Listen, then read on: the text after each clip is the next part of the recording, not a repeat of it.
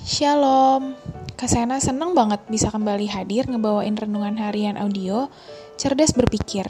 Semoga kita bisa sama-sama belajar demi kehidupan yang lebih baik ya. Hari ini kakak akan ngebawain renungan yang judulnya Kelilipan Balok. Waduh, kelilipan balok. Lucu juga nih. Kira-kira gimana ya renungannya? Makanya, yuk kita simak. Tapi sebelumnya nih, Kak Sena mau bacain sebuah nats Alkitab yang merupakan perkataan Tuhan Yesus yang tertulis dalam Matius 7 ayat 1 sampai 5. Bunyinya gini: Jangan kamu menghakimi, supaya kamu tidak dihakimi. Karena dengan penghakiman yang kamu pakai untuk menghakimi, kamu akan dihakimi dan ukuran yang kamu pakai untuk mengukur akan diukurkan kepadamu. Mengapakah engkau melihat selumbar di mata saudaramu, sedangkan balok di dalam matamu tidak engkau ketahui? Bagaimanakah engkau dapat berkata kepada saudaramu, "Biarlah aku mengeluarkan selumbar itu dari matamu," padahal ada balok di dalam matamu? Hai orang munafik, keluarkanlah dahulu balok dari matamu, maka engkau akan melihat dengan jelas untuk mengeluarkan selumbar itu dari mata saudaramu. Hmm, kalian pernah nggak kelilipan? Itu loh, kemasukan serpihan kecil pada mata. Bisa debu atau serpihan kecil lainnya. Pasti pernah kan? Nah, kadang tuh kelilipan jadi bikin mata rasanya perih banget. Bahkan nih ya, udah dibasuh pakai air mengalir, masih aja perih. Itu baru kelilipan serpihan kecil atau selumbar ya. Gimana kalau kelilipan balok coba? Sebenarnya nggak mungkin juga sih orang bisa kelilipan balok. Tapi anggap aja hal itu mungkin terjadi. Gimana rasanya ya? Pasti nggak enak banget. Bukan cuman perih, kita bisa jadi nggak lihat apa-apa gara-gara kelilipan balok. Tuhan Yesus ngomong kayak yang kita baca tadi tuh untuk menegaskan suatu pengajaran, yaitu jangan sembarangan memberi penghakiman kepada orang lain. Gini loh adik-adik, perkataan Tuhan Yesus di ayat bacaan tadi tuh adalah salah satu perkataan khotbah di bukit. Nah, waktu itu pendengarnya ada juga orang-orang Farisi. Itu semacam kelompok pemimpin agama yang secara teknis melaksanakan aturan agama Yahudi. Mereka dinilai saleh lah gitu, nggak ada hukum atau peraturan keagamaan yang mereka langgar. Tapi kebanyakan orang Farisi tuh jadi ngerasa paling benar, Seolah-olah mereka lupa bahwa semua manusia pasti pernah berbuat dosa.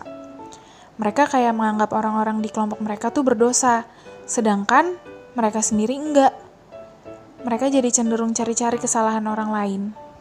Nah, poin itulah yang lagi mau disampaikan Tuhan Yesus.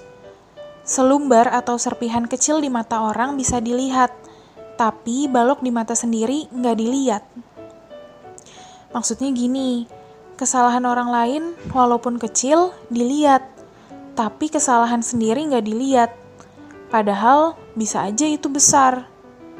Orang lain disalah-salahin, sendirinya nggak mau disalah-salahin. Perkataan Tuhan Yesus ini juga menegur kita loh. Mungkin selama ini kita begitu cepat menghakimi orang lain, dan sembarangan aja kasih label buruk ke orang lain. Seolah-olah kita yang paling benar dan kita nggak mau buka hati untuk koreksi diri atau dikoreksi sama orang lain. Nah, kalau kita selama ini kayak gitu, yuk kita sama-sama bertobat. Ada satu hal lagi nih yang Kak Sena mau sampein.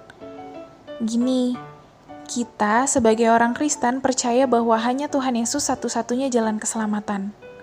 Itu memang benar, tapi jahat banget kalau kita misalnya ketemu sama orang bukan Kristen, lalu kita mikir bahkan sampai berkata kayak gini, aku orang Kristen mah udah pasti masuk surga, udah dijamin sama Tuhan Yesus sendiri, gak kayak kamu.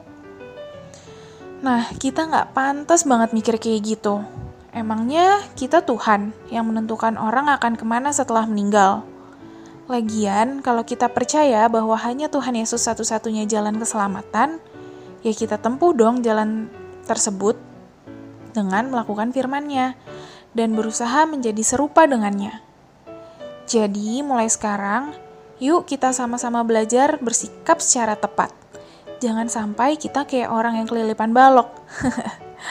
Oke? Hmm, berdoa yuk. Tuhan Yesus, terima kasih untuk renungan yang sudah kami dengar pada hari ini. Terima kasih juga untuk penyertaan-Mu yang tiada habisnya dalam kehidupan kami. Tuhan, pada hari ini kami belajar bahwa kami tidak boleh menghakimi orang lain, padahal kami juga masih melakukan kesalahan. Ajar kami untuk bisa memperbaiki diri kami terlebih dahulu sebelum kami bisa menilai orang lain. Terima kasih Tuhan kalau pada hari ini juga kami ditegur untuk tidak melihat kesalahan orang lain dan merasa diri kami yang paling benar. Bantu kami untuk bisa merendahkan hati kami agar kami bisa mengakui kesalahan kami terutama di hadapan-Mu ya Tuhan. Biarlah renungan yang sudah kami dengar pada hari ini tidak berlalu begitu saja, melainkan bisa terus mengingatkan kami agar kami bisa semakin menjadi pribadi yang lebih baik yang berkenan di hadapan-Mu. Terima kasih Tuhan Yesus. Amin. Oke, tetap sehat, tetap semangat, dan tetap jadi berkat. Jangan lupa bahagia ya. Tuhan Yesus memberkati. Dadah!